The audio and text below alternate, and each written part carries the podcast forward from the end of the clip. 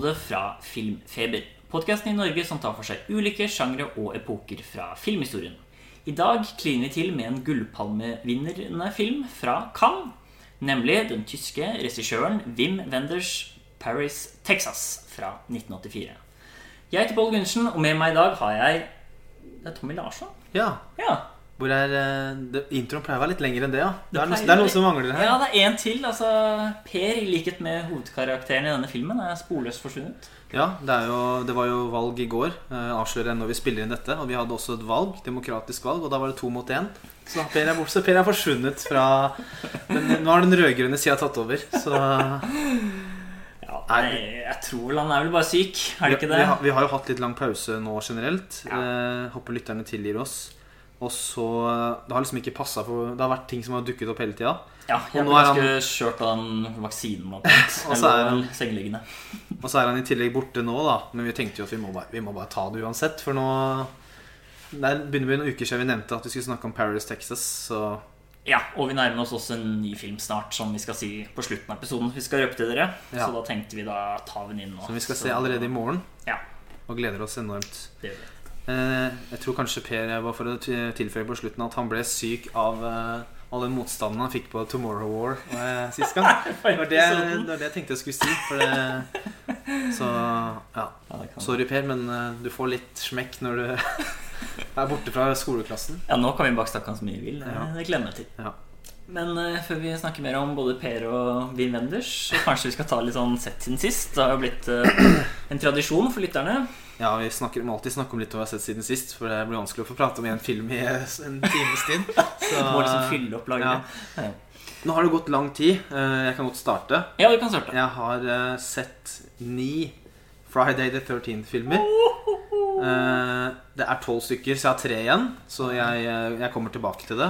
Jeg vet ikke om jeg skal gratulere eller kondolere, men eh, det Nei, er i hvert fall en god innsats. Du har jo vært på et helt annet kjør og driv, så jeg føler meg jo litt som han dumme. Eh, Men eh, nei, altså vi, vi kommer tilbake til det. Jeg Jeg har tre igjen, så blir, du du kan få en ordentlig oppsummering når jeg er ferdig. Ja, det blir cliffhanger. Det Ja. Eh, Men jeg kan nevne to filmer som eh, har litt mer eh, eh, tyngde, da. Eh, Litt mer intellektuell tyngde her, sånn at jeg får litt kred fra deg. Mm, Ja, får litt klapp. Så da har jeg sett eh, White Sun of the Desert Mhm. av Vladimir Motyl fra 1970. Eh, Det er eh, en russisk kosmonaut Det er den såkalte kosmonautfilmen. Altså den Det er filmen som alle kosmonauter eh, angivelig i Russland ser før de reiser til verdensrommet. I hvert fall fra en spesifikk base i Kasakhstan.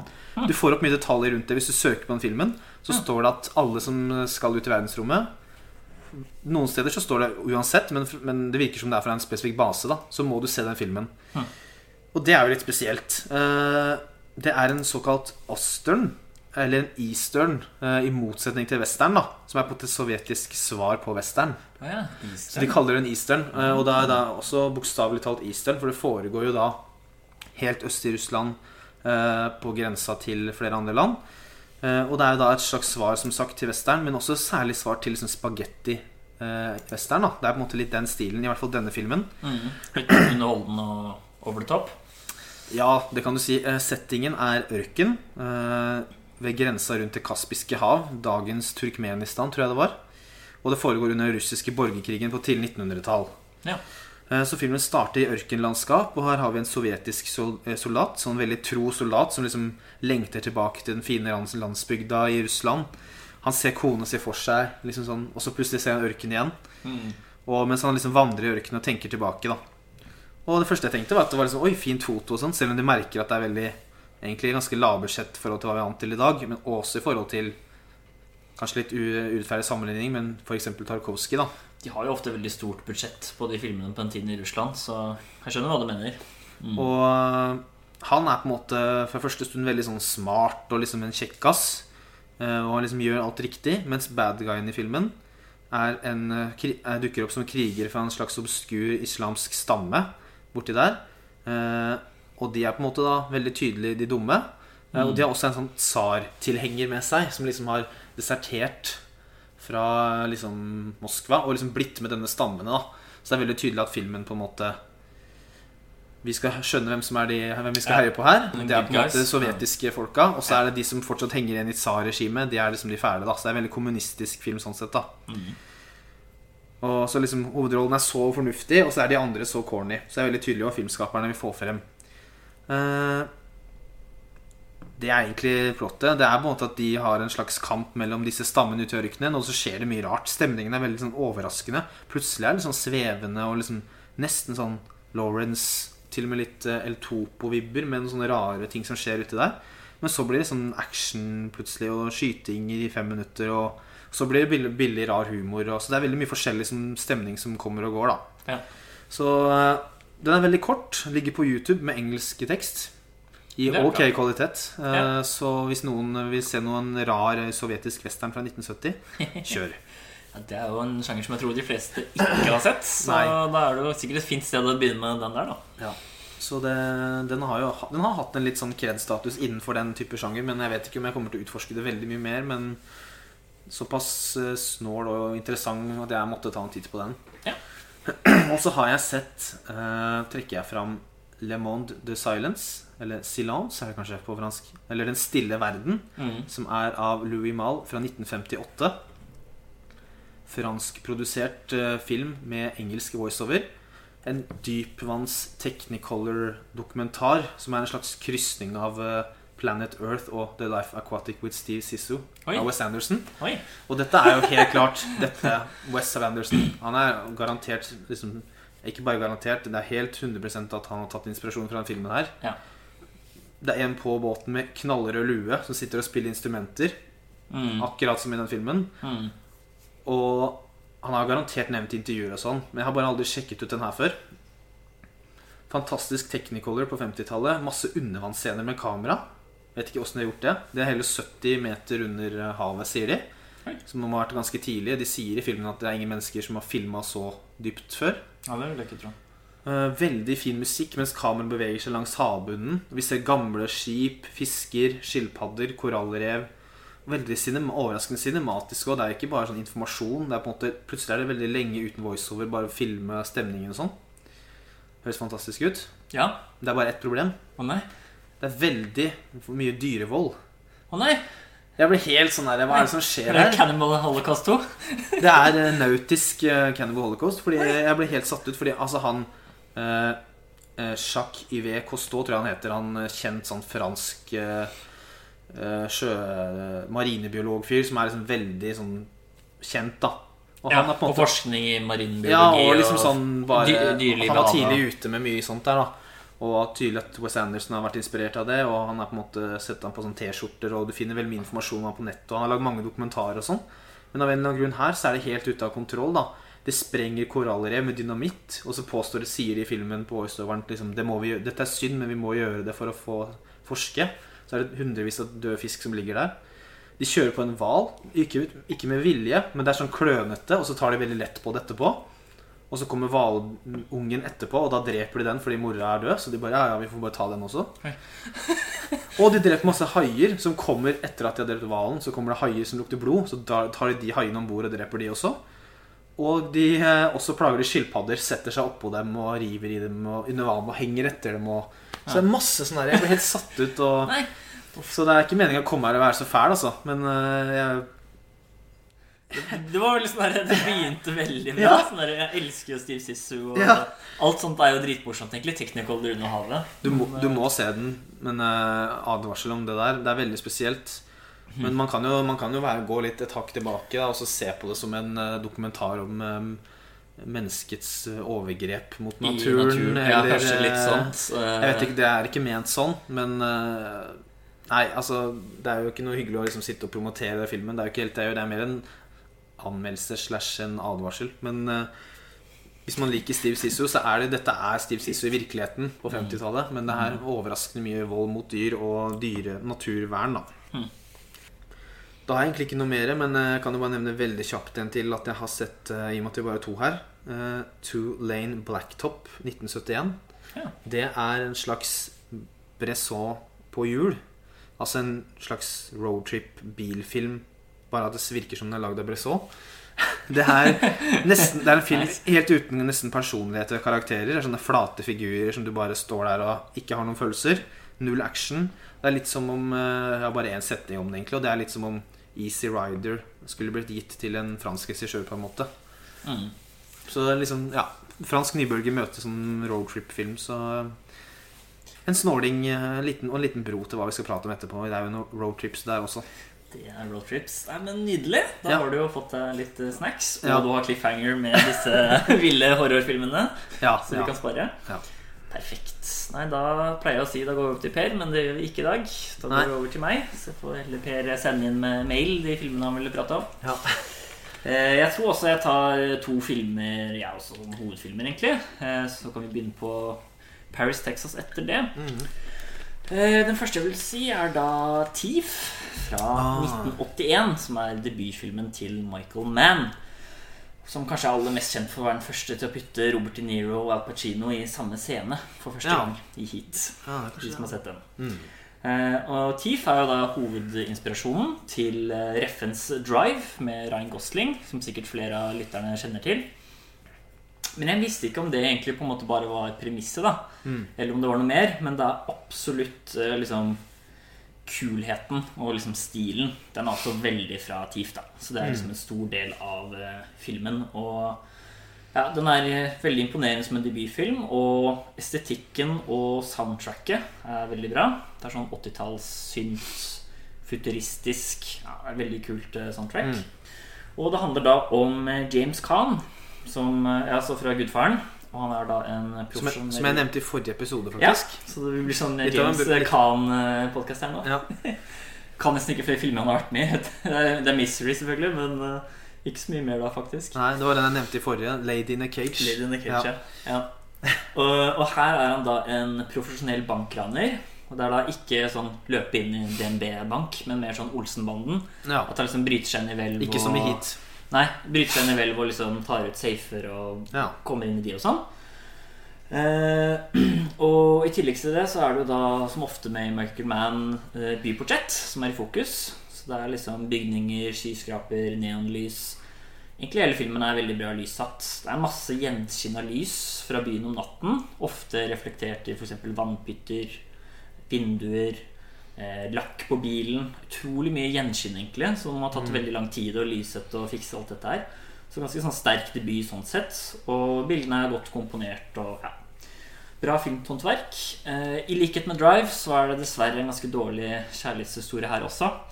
Men i motsetning som kanskje jeg har litt problemer med Drive, da, hvor den på en måte tar veldig stor del av filmen, så er det heldigvis bare en sånn bihistorie her, da. Den kjærligheten. Det er liksom ikke det det handler om. Så kan jeg trekke fram én scene til slutt, og det er et skikkelig kult eh, hvelvran. Og da bruker han god tid på det praktiske. Han opererer inn i en heisjakt, han sprenger opp dører, han sveiser seg inn med, i hvelvet, hakker opp gulv, river ned vegger. Det er veldig sånn fysisk, så det er kult at han tar seg tid og gjør det på en realistisk måte. da Ikke bare sånn trykker en knapp, og så sprenger safen opp. Nei, nei. Det er liksom ordentlig mye sånn håndverk og håndarbeid. Det siste der minte veldig om en film som heter Riffifi. Fransk film fra 50-tallet. Ja, Hvor det er en sånn kjempelang sekvens hvor de, de river opp plankene i gulvet og styrer med safe. og Høres nesten ut som jeg er litt inspirert av det. Det kan godt hende. Jeg tenkte litt på den eh, Letro, om Ja. de eh, som er i fengsel og driver og hakker seg ut med sånn Mm. ut av fengselet. da Bortsett fra at her er det mye mer sånn komplisert. Så sikkert mer sånn som Rififi. jeg Jeg har hatt veldig lyst til å se den her, og jeg føler meg litt dum som ikke har sett den. Det er både denne her og den eh, ja, Av en eller annen grunn så blander jeg den litt med den To Live and Die in LA. Jeg vet ikke om du kjenner til den? Ja, den er Willem Defoe? Ja, det er, ja. Mm. Men eh, ja, nei, jeg har bare sett noen bilder av den hvor det er veldig mye sånn blåskjær og fine blåfarger og, i byer. Ja. ja, utrolig mye kult sånn estetisk, egentlig. Og liksom lys er liksom hovedordet. da Hvordan det er så mye gjenskinn av lyktestolper og neonlys og vinduer og Veldig bra lyslampe. Ja, jeg skal se den veldig snart, kjenner jeg. Jeg fikk det siste dytt jeg trengte nå. Må slutte å dure her. Skrur av dure, durefri sone. Skru, jeg skrudde av lyden. Nå skal vi inn på flyet. Ja. Og så er det nummer to. Det er en eh, kinesisk film som heter Long Days Journey Into Night. Jeg vet ikke om det er sånn dårlig oversatt, egentlig, men eh, i hvert fall den heter. Jeg har sett veldig lite fra Kina, så da tenkte jeg måtte teste ut litt. Ja. Det er da fra 2018. En som heter Bi Gang. Så har ikke egentlig ikke hørt så mye om han, men han var da bare 29 år da han lagde denne, da. Så det, det er ikke verst. Nei. Og det handler da om en mann som drar tilbake etter mange år til en litt sånn landlig by i Kina hvor han vokste opp eh, fordi faren hans har dødd. da Så det er liksom premisset inn til filmen. Eh, Og når han kommer tilbake dit, så kommer det en del både gode og vonde minner opp igjen fra oppveksten hans. da Og filmen er ganske sånn stylet med lange tagninger, sterke visuelle virkemidler som slow motion, farger, røyk.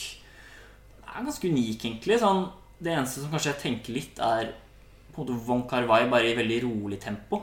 Ja. Hvis det gir mening, for han er jo så frenetisk og energisk. Mens her er det liksom Det går ganske sakte, da. Men eh, Litt som In the Mood for Love, da. Det er jo Von ja, Carvai kanskje. som er rolig. Det ja, på en måte. Ja, det, det er kanskje den nærmeste, vil jeg si, som jeg har sett det. Og, men det som er spesielt, da er eh, Skal vi se her nå Det er halvveis i inni filmen så går hovedpersonen på en kino. Mm. Og på skjermen da så kommer det opp tittelsekvensen på filmen 'Long Days Journey into Night'. Mm. Og resten av filmen da, på 1 time og 10 minutter, er da en drømmesekvens i ett longtake. Oi, i alle dager! Det er det sjukeste jeg har hørt. Ja. Det er helt vilt. Og det er ikke et par personer er som prater han- i et rom, for å si det sånn. Og det er det han ser på kinoen, eller? Liksom? Det er jo sånn uklart. Da. Jeg vil jo tro at det er enten drømmesekvens eller minner. da Men altså, det skjer så mye. Jeg kan nevne noen ting Ja. uten selvfølgelig å spoile. Det er utforskning av en grotte. Det er en lengre motorsykkelsekvens hvor kameraet er veldig nøye foran. Så du må på en måte ha kjørt samme fart. Mm. Det var veldig vanskelig å få til. Han drar på en zipline, synger karaoke, det er masse dyr som gjør forskjellige ting. Eh, Og i midten av longtaket så svever vi som hovedperson i, i første person over torg. Nesten som en sånn, der, sånn Ja. flyvende et eller annet rart. da eh, Som en luftballong, kanskje. Så ja, helt klart noe av det villeste longtaket jeg har sett. Og ja, Ikke at det er imponerende, nødvendigvis, men det er et biljardskudd ganske sent i longtaket. Så jeg må bare tenke på det sinnssyke presset det må være oh, ja. å ta det shotet. Hvis han da hadde bommet, så måtte de sikkert gjort alt på nytt igjen. Så det ja. er, det er én tagning som er over en time? En time og ti minutter, og det er Ja. ekte. Ja, Og det er alt sånn- dette skjer. Det er ikke sånn bare stå og prate i et rom. De reiser til nye destinasjoner og kjører zipline. Det er som Russian Ark, liksom. ja. Så ja, hvis man ikke er så opptatt av sånne ting, så er det kanskje ikke så spennende. Den er, den er litt treig, og jeg vet ikke om den var sånn revolusjonerende tematisk, men jeg syns det var ganske kult, altså, med det sinnssyke longtaket. Hvor lang er den før det longtaket begynner? da? Ja, det er ca. midt i. Ja, Så det er, jeg tror En det er en time før- først, og så er det en time og ti minutter. Det høres helt ekstremt ut. Det filmen har jeg ikke hørt om engang. Jeg ble veldig tatt Ja. på senga. Men eh, Så, det høres morsomt ut, da. det Eller er- morsom, interessant. i hvert Ja, absolutt. Så det var egentlig det jeg har sett. Sett litt mer òg, selvfølgelig, men eh, jeg tenker vi kanskje kan gi oss der og begynne på dagens film. Ja. Ja, Spare resten til litt seinere. ja. Og det er da Paris, Texas av Wim Wenders.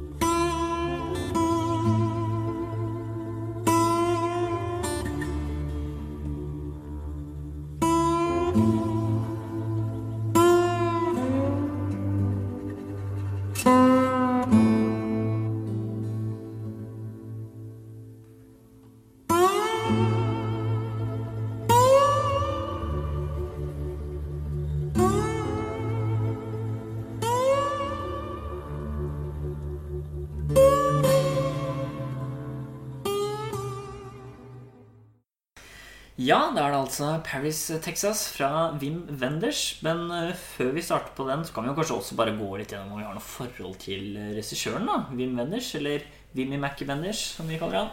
Ja, han har fått sånn amerikansk eh, kallenavn siden han liker å filme i USA, skjønner jeg. Nei, nå Jeg vet du hva, jeg har aldri sett noe annet av han bortsett fra en dokumentar om Tokyo som heter Tokyo Ga. Jeg husker ikke helt hva den heter på engelsk. Ja, det er vel det også. Ja. Ja. Jeg har sett den, jeg også. Da kan vi jo begynne med den, kanskje. Det var litt kjapt. Ja, jeg så jo den i uh, fjor, eh, høsten 2019, ettersom jeg hadde kjøpt billetter til Tokyo. En tur som ble ødelagt av korona. Mm. Uh, så jeg så den for å varme opp til den. Så jeg har rett og slett bare ikke sett noe annet av han. Så ja, vi kan, jeg hus- vi kan godt ta litt om den, selv om jeg ikke husker så fryktelig mye. Ja, det er ikke så mye, men det er jo bare det at det er på en måte kombo av reisebudsjett av Tokyo, og at han møter noen som jobbet med Osu, da, som har vært en stor inspirasjon til Wim Wenders. Det er spesielt en scene av reiseportrett som jeg synes er kult, der hvor de lager disse gipsfigurene av matretter. Ja. Fordi i Tokyo så har de sånne som ser nesten helt ekte ut som mat, av rettene på restauranten, men de er laget i gips. Mm. Og det var morsomt. Jeg har aldri sett for hvordan de lager de da Og da var liksom fulgte de hvordan de malte og brukte lang tid og sånt. da Det var ganske kult, husker jeg. Mm. Og så møter han jo også fotografen til Osu, som måtte ligge på magen og filme kamera Ja, noen ganger. Fordi Osu har det lyst til å ha kameraet så langt ned.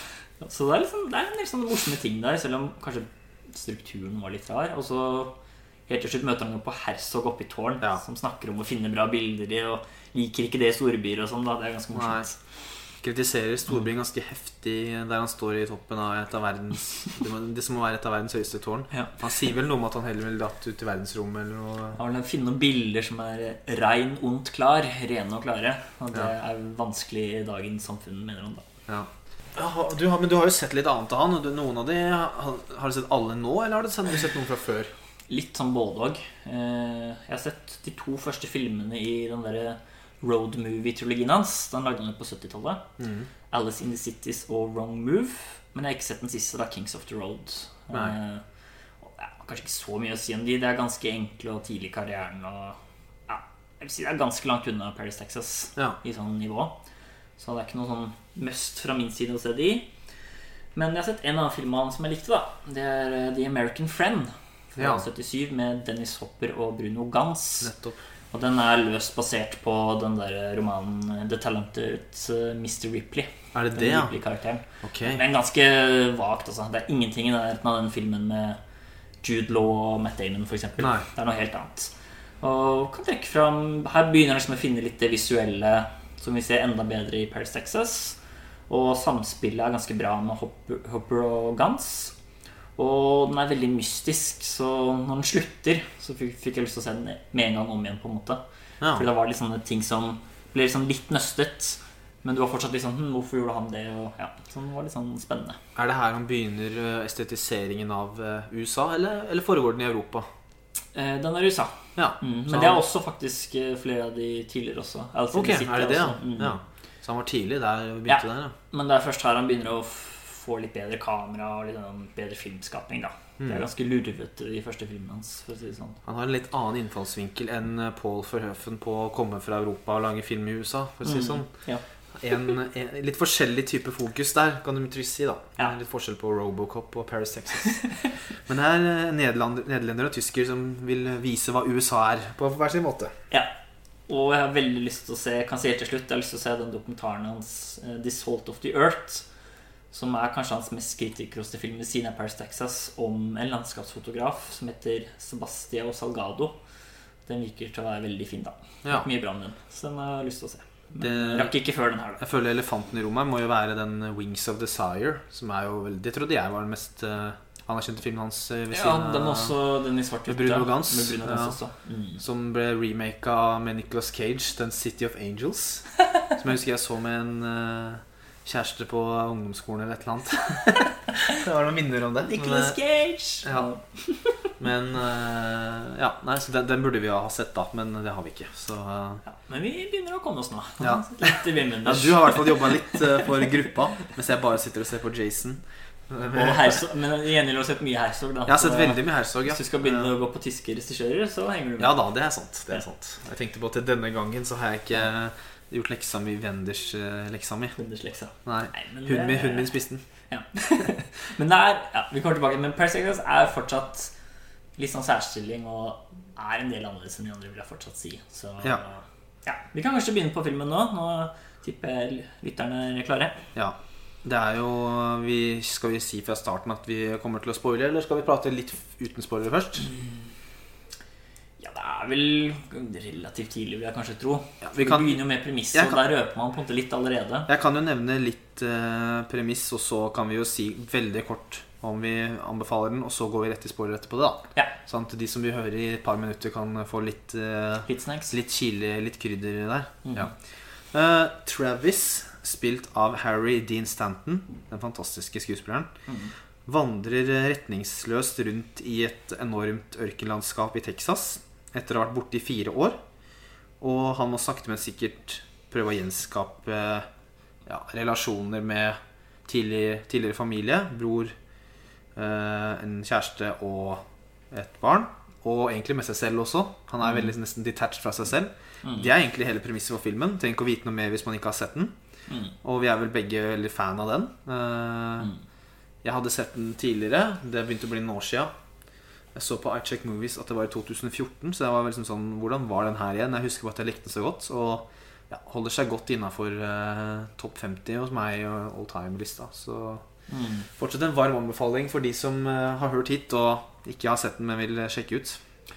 Ja, kan egentlig bare kaste meg på det òg. Jeg så den også for veldig lenge siden. Og så, så har den om igjen. Og Du så den både i sommer og i dag. ja, jeg så den i dag. Du er jo veldig For å være helt Du har jo eh, virkelig fresh. gjort eh, Det er ingen hunder som har spist leksa di. Nei, de, de gulpa de opp igjen i så fall. så jeg, jeg vil si Jeg vet ikke om jeg likte den så mye når jeg så den første gang. faktisk Jeg likte den veldig godt, men det var først andre gang jeg var sånn Oi, Ja. shit, dette er jo helt fantastisk. Så det er også blant mine favorittfilmer. da Og soleklart beste til uh, Min venn da Ja. Den er jo litt sånn vanskelig å få grep om, for det er litt sånn utydelig handling samtidig som den er ganske lang. Ja. Så det er mange, kanskje noen som hører på, som skal sjekke den ut og lurer litt på hva, hva er greia. Hvorfor er den så bra? Men da får dere stoppe nå, komme tilbake og høre den jeg har sett den. Så skal vi gå litt mer inn på ting som kan spoiles. Ja. Forklare hvorfor den er så himla bra. Ja, ikke sant? For i starten, da, som du nevnte, hvordan vandrer rundt, så er det jo litt uklart på en måte hva som har skjedd. Det begynner Ja. nesten med en gang som et mysterie. Og er det amnesia? Er det traumer? Er det heteslag? Altså, Det er liksom vanskelig å vite hva er det som er med denne greien. Da. Det er en veldig sånn diffus start, egentlig. Veldig diffus start. og Travis har et uh, Han har et stort følelsesregister i et ansikt som ikke snakker. For det er jo en del av starten av filmen at han ikke sier noe som helst. Han kommer bare vandrende ut av ørkenlandskapet. Og det er en ørn som lander på en fjellklippe, og han har masse skjegg og en rød caps. Ikke til forveksling med noe Trump Movement. Eh, mens vi får eh, Ry Cooders fantastiske musikk da, over denne, dette fortapte fjeset. Ja. Fantastisk gitarspilling. Mm. Det er virkelig ekstremt bra, syns jeg. Selv om det er veldig sim simpelt. da ja. Simpelt på god måte. Og bygge på all denne sånn nesten countryaktige stemningen Ja. rundt USA. Men det er fortsatt ikke sånn rask countryspilling heller. Den er veldig sånn langsom og, og Musikk har mye å si. Hvis det hadde vært sånn banjospilling, i Ja, hadde det ødelagt fullstendig. Det hadde ikke gått. Nei. Og så er det jo eh, Robbie Müller som har foto, da. Han har jo også Han er blant annet kjent for 'Breaking the Waves' og andre Wenders-filmer, men også 'Repo Man', som er en veldig snål film, men som eh, vi kan trenger ikke å spore helt av fra start her. Men den har noen likheter med den filmen her på fargebruken. Men ja, det er liksom det, er det du får den pakka når du kommer inn. da Et ansikt som er helt fortapt. Den musikken, det foto. Det er liksom veldig mye inntrykk fra starten der. Mm. Og det Ja, vi kan vel kanskje ta litt hva som skjer videre der, men uh... Ja, vi kan egentlig bare hoppe til at eh, han da blir møter broren sin ved at en eh, lege finner han og etter at han passer ut, og da finner eh, informasjon til broren, da. Finner han ut. Og det er jo her det liksom starter Hvor kanskje mange også kan synes filmen er ganske rar. Sånn, Ja. Fordi han sier jo ingenting, og så blir, kan det bli sånn Herregud, det var jo altfor lenge. Det er urealistisk. Men det var kanskje det jeg merket best på andre gjennomsyn, at han åpner seg opp gradvis gjennom uttrykk. da Om Ja. det er det at han husker mer, eller om det er det at han blir mer følelsesengasjert. Men du ser at han sakte, men sikkert åpner seg mest opp, og kanskje aller best på restaurantscenen, hvor eh, de begynner å prate, og han nesten er på gråten. da ja. Selv om han ikke sier noe, så skjønner du at liksom Det er ikke det at han er rar og ignorant, det er det at han åpner seg gradvis opp, da. Ja, og til og med bare før han snakker det tar, tar vel, Du sa det kanskje, men det er vel nesten 20 minutter før han sier noe. Men selv før han sier noe, så har han liksom det følelsesregisteret som du sier, i ansiktet. Han spiller utrolig bra. Også når han sitter inne på det, dette lille hotellet eller hostellet hva jeg skal si, med broren. Mm. Og broren også spiller veldig bra, med Walt av Dean Stockwell. Han liksom Han er en sånn veldig sånn sympatisk figur. Veldig sympatisk. Og veldig liksom- skjønn, sånn- egentlig. Ja. Samtidig som han er liksom Han er veldig opptatt med jobben, han har en familie, han har egentlig ikke tid til dette, men du får veldig følelsen av at liksom, dette er egentlig viktig. Det er broren hans, da, som har vært borte i fire år. Mm. Og han legen, bare for å ta det før vi mister han, han er liksom sånn Der føler jeg sånn europeisk humor fra Wien Wenders. En sånn übertysk lege som har en svær spritflaske han dundrer på bordet. Ja. Masse skjegg og briller og sånn safarihatt. Han er så veldig sånn nesten, Han er litt karikert, nesten. ja, han minte meg om han der fra Jurassic Park. Han, eh, Ja, han ligner på Richard Attenborough. eh, Ja. Han gjør det. Men uh, ja. Ja, det er veldig stemning her i starten, og veldig sånn mystisk. Hvorfor Ja. går han rundt her? Hvorfor, og det kommer jo fram Han var borte i fire år. ja. Og det er jo også helt sånn Fire år? Har, du gått, har han gått rundt her i fire år, eller kom han fra et annet sted? Ja, ja. Og du tror først kanskje at det er noe kriminelt, da. Og det sier han også veldig sånn Jeg er broren din, du kan si det til meg hvis du har kommet i noe trøbbel. Det var nesten det det virker som først. ja.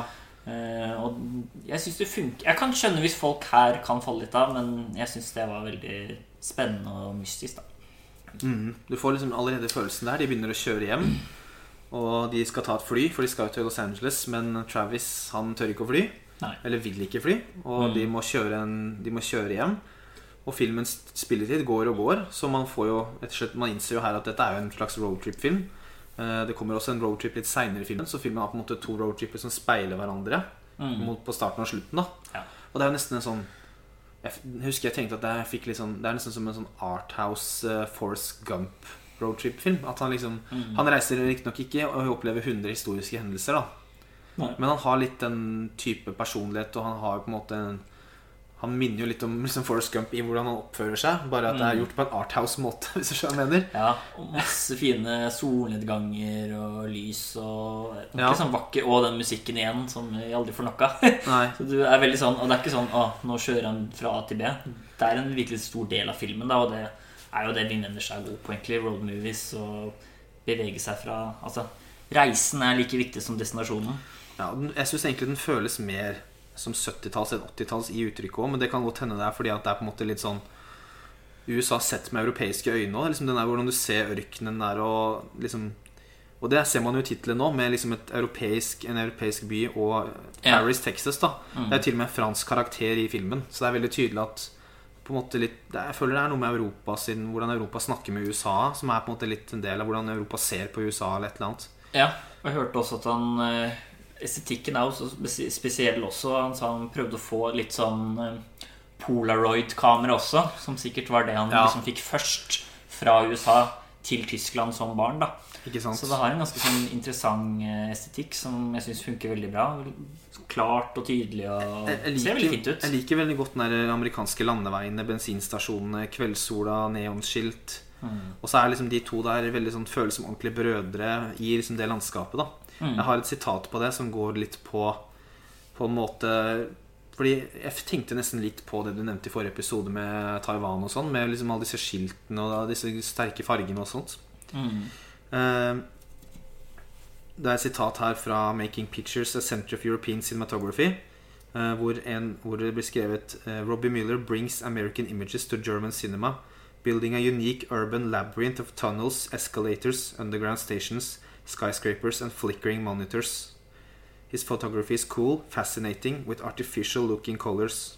Jeg føler det liksom setter litt liksom, Det der med at det er så mye eh, grønt, rødt og blått, og at du får litt den der Jeg minner meg litt om uh, den der Taiwan-bølgen med Mm. Når de kommer til dette huset i LA der med det der grønne lyset som går opp til huset oppi åsen der, og at det er en slags sånn mytologisering av USA, på en måte. Mm. Ja, nei, estetikken har veldig mye å si. Og Jeg kjenner jeg biter på den der som europeer, at jeg kjøper den. ja. Jeg er på Wenders sin side der. Jeg kjøper at liksom Å, er det sånn USA er? Og du, du får nesten Du, du, du kan klare å få en landeveisbensinstasjon til å virke litt spennende ja, ja. Absolutt. med det uttrykket der.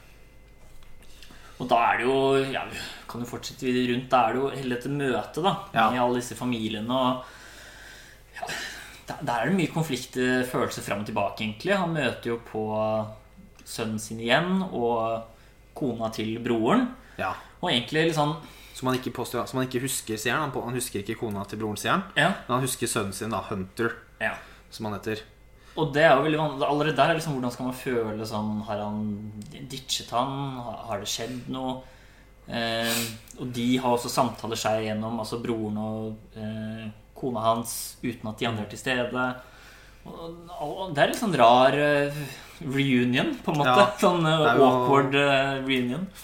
Filmen klarer jo på en måte både å vise en dysfunksjonell familie, samtidig som den klarer å på en måte gjøre det litt Jeg skal ikke si koselig, men det er jo en feel good-film på noen måter og en veldig trist film på andre måter. Og det kommer jo liksom fram i dette første møtet, føler jeg. For det er sånn Hans sønnen er jo knapt åtte-ni år. Han sier vel hvor gammel han er i filmen, men det husker jeg ikke nå. Og syv, snart åtte. Syv, snart åtte.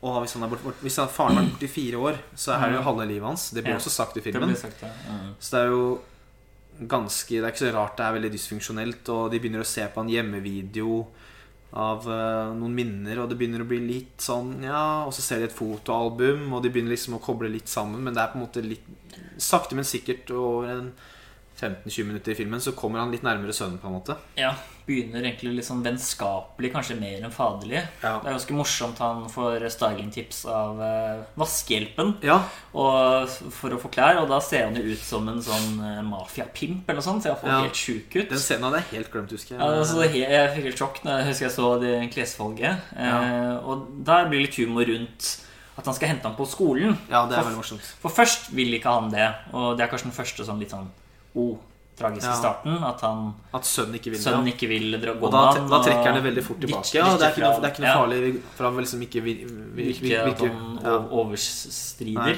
Mm. Men til slutt, etter som du sier alle de tingene med hjemmevideoer og sånn, så Mm. blir det litt bedre. Og da har de ganske sånn søt, eh, koselig sånn Ja. Hvor de går bak biler og tuller og Går på hver side av gata og på en måte hermer Det er en fin hverandre. scene, altså. Det, det, det er der jeg, det er derfor, jeg- derfor jeg sier Feel Good og Forest Gump. Mm. Fordi det kunne liksom Han møter jo også sønnen sin i slutten. Mm. Det kunne liksom Litt sannaktig. Det er på en måte Veldig koselig å Ja. dette her. ja, veldig koselig eller skjønn måte å liksom fremstille far-sønn-forholdet på. På en sånn quirky Når faren er quirky, uten at filmen er egentlig noe quirky. Den er jo ikke det i det hele tatt. Mm. Men akkurat det forholdet deres er jo veldig sånn Det kunne blitt litt sånn mye, men det er bare koselig i filmen, egentlig. Mm. Så der er filmen veldig koselig. Ikke noe Det er ikke noe trist akkurat der, i hvert fall.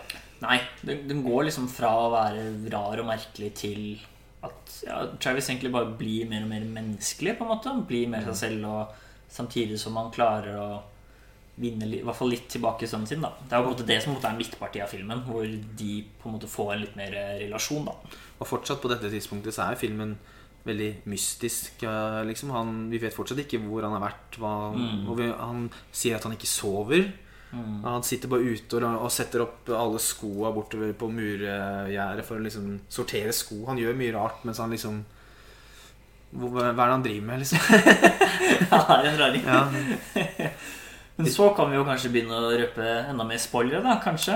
ja vi er i full spoilerland Ja. nå, og jeg sa jo i stad at det var to roadtrips her. Ja, for da får han nemlig vite at uh, hans uh, ekskjæreste, som er moren til denne barnet Hunter, Jane. Hun har Ja, så må han også forsvunnet, men hun har nå begynt å sende penger fra en annen by i Texas til Ja. en konto for eh, Hunter, da. Mm. For å vite av denne konen til broren. Ja.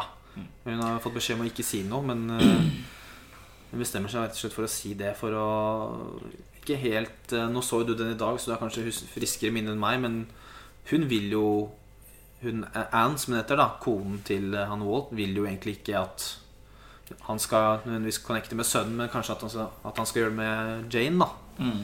Så det er vel derfor hun eh, avslører det.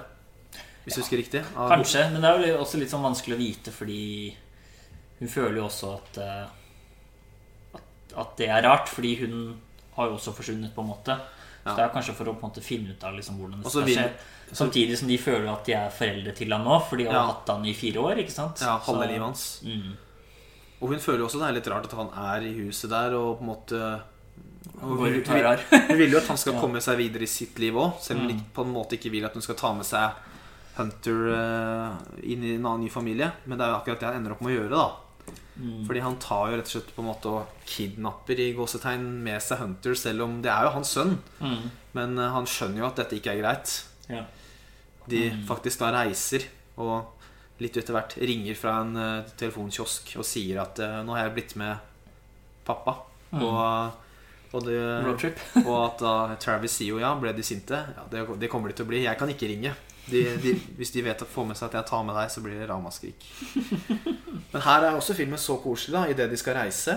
De sitter og skravler i bilen om universet og Big Bang og Ja, ja. Han er sånn Star Wars-fan. Han, eh, Han har Star Wars-sengetøy. Det er der du ser at filmen er fra 80-tallet. vet du. Ja.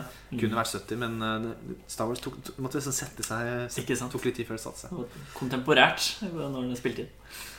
Ja. Og da begynner jo den roadtripen hjem det, Nei, ikke hjem, men til Texas, da. Og det er liksom Da har filmen begynner å bli lang, men jeg syns det er ikke et sekund kjedelig, egentlig. Det er Mm. så meddrivende. Samme som i starten, egentlig, med solnedganger og kjøre rundt. Og det er liksom en viktig del av filmen, da. Og hvordan, og hvordan forholdet deres utvikler seg med liksom at At han begynner å mer og mer akseptere faren, og hvordan de har liksom litt sånn Snakker i walkietalkie, leker litt med det, og bare det at han, han Gutten er liksom nysgjerrig på livet og forteller faren ting han vet. Mm. Og faren har vært veldig utafor. Så Mm. han, det er kanskje mye han ikke vet selv, til og med. Han virker jo ve veldig fjern på en del ting. Ja, det virker jo sånn fram til da at liksom han bare har vært borte veldig lenge. Sånn, Selv om Mm. vi fortsatt av oss ikke vet hva som har skjedd. Så jeg er helt enig. Det er en utrolig fin, eh, fin del av filmen, egentlig. Alt rundt der. Hvordan de reiser. Mm. Og så tar det jo ikke så lang tid som i første delen av filmen før de da ankommer denne byen i Texas. Bare den lille sekvensen nå hvor de liksom parkerer utafor banken og stiller seg opp for å se når hun skal komme. Og hele den der er liksom sånn Jeg vil ikke si spennende, selv om det er jo det, men det er jo mer sånn koselig, og du er litt spent på hva som egentlig skal skje. Mm. For på det tidspunktet er filmen blitt såpass hyggelig at du forventer jo ikke en skikkelig smell i trynet. Mm. Eh, Men det får du jo seinere. Men eh, så sovner jo han gutten, og så kommer hun kjørende ut likevel. Så blir det på en måte en nesten sånn car chase. Det er biljakt, ja. Og det var vel ganske Jeg tror det var ganske improvisert også. Hvordan de skulle Ja. gjøre det. Den samtalen og sånn. Sånn derre It's that car, og which Mm. car is it? Og det er mye sånn derre Så kommer det to biler som ligner på hverandre, og det var visst ikke helt planlagt, det der. Jeg tror han eh, skrev veldig mye før han kom på slutten, egentlig. Virket det som. Ja. Han sa at det liksom kom ganske mye senere. Og det er jo her eh, kanskje noe av det aller beste filmen, når han til slutt finner henne. da Det er jo et sånt merkelig sted. Det er Parkerer i en, sånn, eh, en luguber bakgate med noen svære sånn, Ja. graffitibilder der. Og så Jøss, hvor jobber du her, liksom? ja, hva, er det, hva er det for Det er sånn eh, Det er ikke bordell, men det er sånn peeping-bordell. Eller sånn. Ja, hva skal man Det er kalle ikke det? sexmeny, men det er sånn Det er Du kan så- sitte og se og kan Ja. se på damer, men de kan ikke se deg. Nei. Det er det som liksom er at det er kamera som går ett vei, så de ser på Ikke prostituerte, men eh, jeg vet ikke hva jeg skal kalle det. Men, Det er en eh, slags liksom ja. Det er jo som, nesten som en sextelefon, bare at de sitter og ser gjennom et glass, og så er det på en måte ja, Ja. Joy House, jeg vet ikke hva jeg skal kalle det. Ja. Det er et veldig sånn eh, Men det er en luguber bakgate, og det er tydelig at hun bruker parykk, og liksom Det er jo ikke noe Det er veldig sånn Gjør det for å få penger, det er ikke noe Det er ikke noe ønskelig livs... eh, Ja. Men hele starten først, da, det er jo nesten noe av det kuleste. Når han, Han kommer, kommer inn, opp en ja. sånn trapp, og så er det bare jo- knallrødt. Og kommer inn til en sånn svær lounge hvor folk sitter, og det er bare så Apropos, sinnssykt stemningsfullt. Apropos Drive og Reffen. Ja. Han går jo inn i Only God Forgives. Når Travis går opp trappa inn i bygningen der, så er det bare den eh, Ja, de fargene som skriker der. Det er Mm. Litt av et foto vi får servert. ja. Jeg tenker jo på. Drive eller på Reffen når jeg ser det. Mm. Så leter han jo litt rundt, og det er veldig sånn På dette tidspunktet er det ganske lenge igjen av filmen nå, men det er jo en så lang samtale at på en måte Første gang man ser den, så tenker man nå skal det sikkert skje masse mer, men den, stopp, den roer seg jo ganske ned, for resten av filmen omtrent er jo her inne. Mm. Først så ser han henne stående bakfra, så snur hun seg, han har akkurat gått, og det er veldig mye sånn der Å, det var så nærme, men hadde de møttes der, så hadde jo filmen utarta seg helt annerledes. Ja. Så det var bra, egentlig, sånn sett. det var Ja. smart. Og det blir på en måte sånn Man får, men man skulle litt ønske, man skulle litt ønske at, at Ja. de møtte hverandre ved baren der òg. Det hadde vært enklere, Ja, det hadde blitt litt enklere da. Men Du får nesten en sånn der grandios Ja. stemning. Sånn, kanskje fordi kameraet er sånn nedenifra, og det er veldig høye gardiner. Og det, det blir ordentlig mystisk altså, før han går inn dit. Og allerede da vet du faktisk ikke hva det er for noe. Før du går Nei, inn dit nei. Og det spiller jo så spennende på alt dette med voyeurisme og hvem som ser hva, og hva som sier. Og de er veldig fantastiske. Det er jo noe av det beste ved når de møtes. Og han vet jo at det er henne, men hun vet ikke at det er han. Mm. Og så begynner jo alle disse samtalene, og det er da vi endelig gradvis får vite alt som har skjedd. da Ja. Det er jo helt fantastiske skuespillerprestasjoner av begge. Ja, og Natasja Kinski, vi har ikke nevnt engang. Dattera til eh, Ja, gode, gamle sent. Klaus.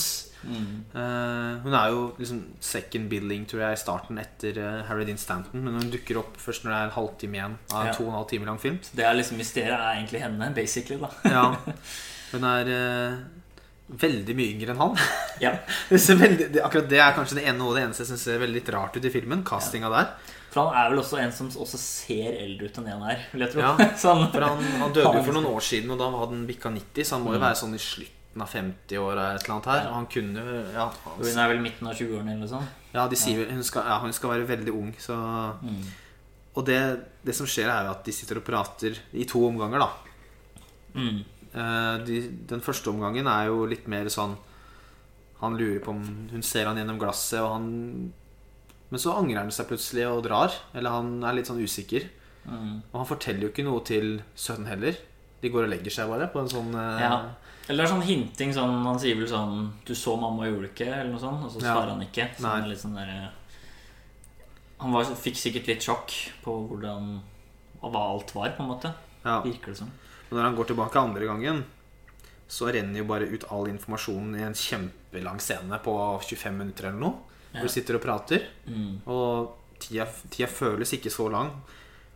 Jeg husker jeg sjekka på liksom på uh, runtime etter at jeg så filmen nå for et par uker siden. Og, bare, og det er faktisk så lang, den scenen. ja Mm. Det bare renner ut all info om de. Hvorfor og Han begynner å fortelle en historie som om det er en historie han forteller om et par, men han forteller jo om dem, da. Det Ja, da er det vel sånn at du gradvis skjønner at det er han, ja, på en måte. hvordan det ikke fungerte. Og så, som du sa i stad, man lurer på om han har gjort noe kriminelt eller noe. Men her Mm. kommer det jo fram at det er ikke noe spesielt som har skjedd sånn egentlig. Han har ikke gjort noe kriminelt, eller det har ikke skjedd noen sånn spesifikk hendelse. Det er mer at han har rømt fra liksom Rømt fra seg selv enn noe annet. At han liksom var voldelig og gæren, da.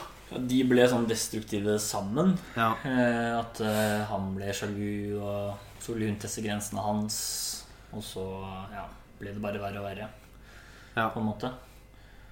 Og den scenen bare varer, varer sånn hypnotiserende lang. Og han sitter jo der på en måte som sånn derre Jeg husker jeg begynte å tenke at det ser ut som han sitter og skrifter sånn prest For mm. du sitter jo bak glasset og ser ikke han, ikke sant? Så det er jo veldig sånn Og han kommer jo med alt, alle syndene sine, så det er nesten litt sånn der kristen med symbolikk der òg. Ja, Ganske interessant at du får noe sånt inn i et sånn type sted. det er ganske morsomt, egentlig. Sånn tenke rundt det. Ja, at det er en sånn scene som kommer i den filmen der, Da. Ja. Og så sier hun det etterpå, hennes versjon. Og det er jo der, det er jo der på en måte man ser om liksom Jeg vet ikke hva du føler rundt det, men det er jo der liksom sympatistrukturene kommer. Og Ja. hva man tenker rundt det, da. For Hva det er jo det? Det gir jo egentlig ganske sånn komplekse følelser. Vi kan jo kanskje snakke litt rundt det nå, Ja. nå som vi har sagt så mye, men det er jo Du skjønner det jo på en måte samtidig som det er ganske drøyt det det er gjort. da Så det er sånn vanskelig å vite hvordan du skal gjøre det, fordi det er jo på en måte det verste du kan gjøre, er jo å dra fra et barn. Og når først han drar fra barnet, så drar hun fra det etterpå. Ikke sant? Hun blir liksom ikke alenemor. Eh, samtidig som du virkelig kjenner på smerten deres hvorfor de gjorde det også, og følte bare at de ikke kunne gå videre. Og han har en ganske fin del av monologen hvor han sier sånn han bare ville dra til et ukjent sted uten mennesker, uten språk, uten Mm. noen ting. da Så ja, Ja. det er litt interessant. ja, han snakker jo Mexico og det der, ja. Er det ikke det? Så jeg vet ikke hva du tenker rundt de tingene. Jeg men, tenker at det er litt interessant at liksom, man får vite så mye om han så seint i filmen etter at du har blitt kjent med han. Da. Sånn der, Og han er ganske rolig, han er rar, men han er han, Man har ikke noen vonde følelser med han. Man tenker at han er en litt rar, vond fyr. Og så syns Mm. man synd på han, som du sier, når han i starten sitter og gråter inn på restauranten og sånn. Og så får Mm. vi vite så, så nå på slutten at han egentlig har gjort mye fælt. Da mm. Da får du litt sånn blanda følelser på Oi, hva slags fyr er egentlig dette? Og han har Men ja, jeg syns jo bare synd på begge to, egentlig. Mm. Og barnet, ikke minst. Ja. Stakkars barn. Det er vanskelig liksom å oppsummere, men det er liksom sånn eh, Det er vanskelig å si det uten å høres dum ut, men det er liksom sånn den, Jeg føler den oppsummerer liksom menneskets eller feilbehagelighet, eller hva jeg skal si. Eller sånn skjørhet, da. Vis, Ja. vis liksom Mm. gjennom en mann og hans relasjon til familien. Så er det liksom pakka inn i en sånn amerikansk eh, mytologisering sett fra en europeisk øyne. Mm. Det er liksom litt det jeg føler filmen prøver å oppsummere med den siste scenen der. Ja, og så viser de kanskje en Antihjelp blir jo dra den for langt, men det viser jo i hvert fall en som ikke bare er snill, da. Mm. du skal ikke føle at 'å, han var skikkelig snill, og han gjorde det riktige'.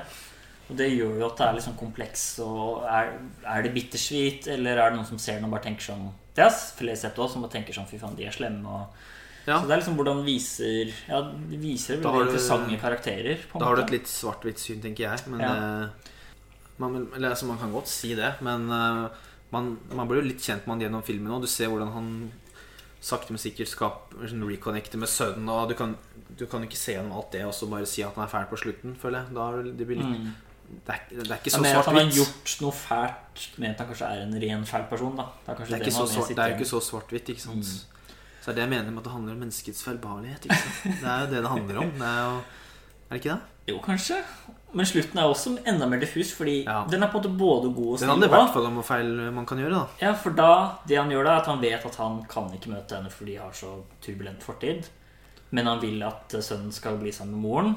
Så han reuniter de mens han ser på og drar bort selv. da, Og da er det jo sånn Ok, du gjør noe ganske bra, og jeg tror vi så også det er litt sånn der klassiske western ned i skolegjengangen. Det kan du godt si. Det er mye western-greier her. eh. Eh, Men samtidig bygger jo opp stemning til sønnen og forlater igjen. Og er det meningen nå at han skal forlate for alltid? Eller er det mer det at han kan ikke være når henne er der og kanskje besøke mm. og til? Det får du ikke svar på. Så det er også litt sånn hmm. Det er uten tvil mener han det godt, men er det egentlig den beste løsningen det man gjør? det, det er fælt at han, han har det så vondt, eller han, det er så komplekst at han, han kan ikke engang ha så naturlig forhold til det. At de, liksom, han må faktisk dra. Mm. Det er så ille, på en måte. Ja. Og selv om de prater så lenge, så vet, vet jeg fortsatt ikke helt hvorfor det er så ille. Mm. Som gjør at han faktisk Det skal ende så trist, da. Ja. Så jeg tenker jo sånn Intensjonen hans er sånn uten tvil god. Han Ja. prøver virkelig å gjøre Men det han skader jo sønnen Men han videre. skader jo kanskje sønnen litt også. For de begynner jo endelig å få kontakt, og så Mm. forteller han hvilket hotellrom hun skal dra til. Hun reiser opp dit. Han sitter i vinduskarmen i en veldig sånn kul scene. Mm. Hun kommer inn og gir han en klem, og så ser vi dette shotet av at han står på parkeringsplassen. Og her kommer vi tilbake til fargene som du snakka om Mm. i stad. Eller som vi har vært innom. Mm. Så liksom et av de fineste eh, sluttfotoene i filmhistorien. Når han står eh, grønne eller lyset der. Ja. Setter seg inn i bilen og kjører. ja. Gråter og gråter og gråter. Men smiler litt da, faktisk. Så det litt sånn bittersweet så er virkelig et nøkkelord, altså. Ja, jeg og samboeren vi siste Jeg tror det siste helt fra den første samtalen til slutten som jeg, Da sa vi ingenting i sofaen. Helt stille, liksom. Og det føler jeg Det er ikke ofte, fordi man sitter jo og småprater litt om hva som skjer i filmene. Mm. Det sier litt om uh, hvor sterk den filmen her er. Altså. Ja. Det er utrolig og På tampen kan vi kanskje nevne litt om de fargebrukene òg, for det er Ja. jo ganske distinkt. Og så vet vi jo ikke hvor mye som er i det eller ikke. da Vi hadde jo fargeeksperten Per, men han har jo forlatt oss. Han var jo en ringrev på Punch Drunk Love. Ja, sant vi får, han, vi får eh, prøve å stå, stå Kaster seg rundt med teorier om blå. Det, du, du, får inn, du får litt fra KIO. Vet du. Da har du litt sånn der fargespekteret. Ja. Men det er jo veldig ofte mye rødt, hvitt og blått da Ja, som er samlet. Ja. Og da er det jo liksom Er det amerikanske flagget? Jeg vet ikke. Er Eller, sånn- eller norske. Eller norske. Ja, det tror jeg i hvert fall ikke det. Men det er i hvert fall ofte Jeg får føle at uten å legge for mye at det er ofte mye sånn positivitet rundt disse tingene her. da Ofte om det er klær eller gjenstander eller Det er ofte de fine scenene har ofte de fargene. Og så er det jo, som du nevnte, grønne er det ofte litt melankolsk, da. Mm. Så vet jeg ikke hvor mye han har satt i det, men jeg kan jo nevne noen eksempler. Det er jo Ja. i starten, når han blir eksaminert av denne Ja. doktoren, så er det liksom knallgrønt, og du ser han er liksom redd Stemmer og sånn fanget dyr, nærmest. Og så er det jo sluttscenen som du nevnte nå, hvor Ja. han ser de han koselig reunion, mens han står i sånn supergrønt og alene og drar vekk. Mm. Men kanskje den beste er når de skal se på disse eh, hjemmevideoene. Mm. For der er det veldig mye rødt og hvitt og blått i den videoen. Og mye kos og latter. Mens bak prosjektoren fra kjøkkenet så er det et grønt lys. Ja. da Og da føler du kanskje veldig på at eh, i virkeligheten er det mer lengsel og sorg, mens alt det positive Ja. ser du på. Og det er veldig tydelig når du skrur den av, for da blir det grønne lyset mye sterkere. Og så ser du en Ja. sånn silhuett av Travis som bare Ikke sant? som ser ned og Veldig tydelig er nesten fargebruk sånn redd, da. Ja. Ja. Veldig tydelig fargebruk for å vise forskjellige emosjonelle Mm. på en måte. Mm. Så jeg tror det er ganske gjennomført. Men også litt sånn andre ting. Det er en tidlig scene hvor eh, eh, broren eh, Rett før han skal møte ham, når han står med en sånn ice-maskin Ja. på en sånn bensinstasjon, og da er liksom eh, himmelen sånn knalloransje. Så det er liksom en litt sånn annen fargebruk. da Ja, ja. Så det er mye sånn, eh, sånn urealistisk, sånn polaroidaktig noen steder. Jeg liker den veldig godt, den Mm. urealistiske polaroiden. Når han sitter i åssiden ved huset der og ser ned på downtown LA, så er det vel også noe grønt eller oransje. Ja, Veldig De som er rundt ham, de, Ja. slags rare blomsterbusker eller Mm. noe sånt. Så det er helt klart. Mm. Nei, så denne her eh, kan absolutt anbefales. Ja, ikke hvis du er fargeblind. Litt sånn bittersweet uh, film, egentlig, med komplekse karakterer og kompleks slutt, egentlig. Det er jo det man sitter igjen med sånn slutten, egentlig. Det er ikke Virkelig. tvers igjennom en dyster, trist film heller. Den har sine veldig morsomme scener og koselige scener og fine scener. Mm. Men det er jo pakka inn i tristhet. Det er jo det. Ja. Apropos farger, så er det jo nesten vanskelig å bare, bare komme på det. Den røde capsen, det er jo vanskelig å ikke kommentere på den nå. Mm. Hva er det den eh, står for, da? Ja, det er vel bare en del av det som er igjen av han, da. Sånn Ja, som er igjen av USA. Ja, det var en, en fin måte. konklusjon. Ja. For hvis du sa det med at rødt, hvitt og blått på en måte er det fine, så når han går i starten der med den røde capsen, så er det man har en liten bit igjen, liksom. Liten Ja. igjen, liksom, til samfunnet. Ja. Mm. Ikke en magacaps. Nei. Nei. Jeg følte vi fikk prate oss litt eh, Jeg har jo ikke hatt så mye stikkord her. Jeg følte vi fikk prate oss litt bra med den filmen her. jeg. Det er liksom de sympatistrukturen, egentlig, som Ja. jeg føler som på en måte gjør den interessant å prate om. Fordi det er på en måte umulig å hate han, men det er også umulig å ikke tenke at stakkars det barnet, dette er ikke bra, Han liksom. er ikke Så det er vanskelig. Har- Kompleks karakter. Han har litt mer dybde enn eh, Mm. Marvel-villen. Ikke et stygt ord om det, men uh, vanskelig ikke. Ja, det var det første som falt meg inn. Nei, nei men det er en uh, fantastisk film. Ja. Kanskje vi skal fortsette å være uten han der Per eh, Kanskje flyter godt her? Ja. Kan- Vi kan ringe han og si litt om farger. Så Ja. Kjøpe en, en breezer av hver farge, så får vi fart på det.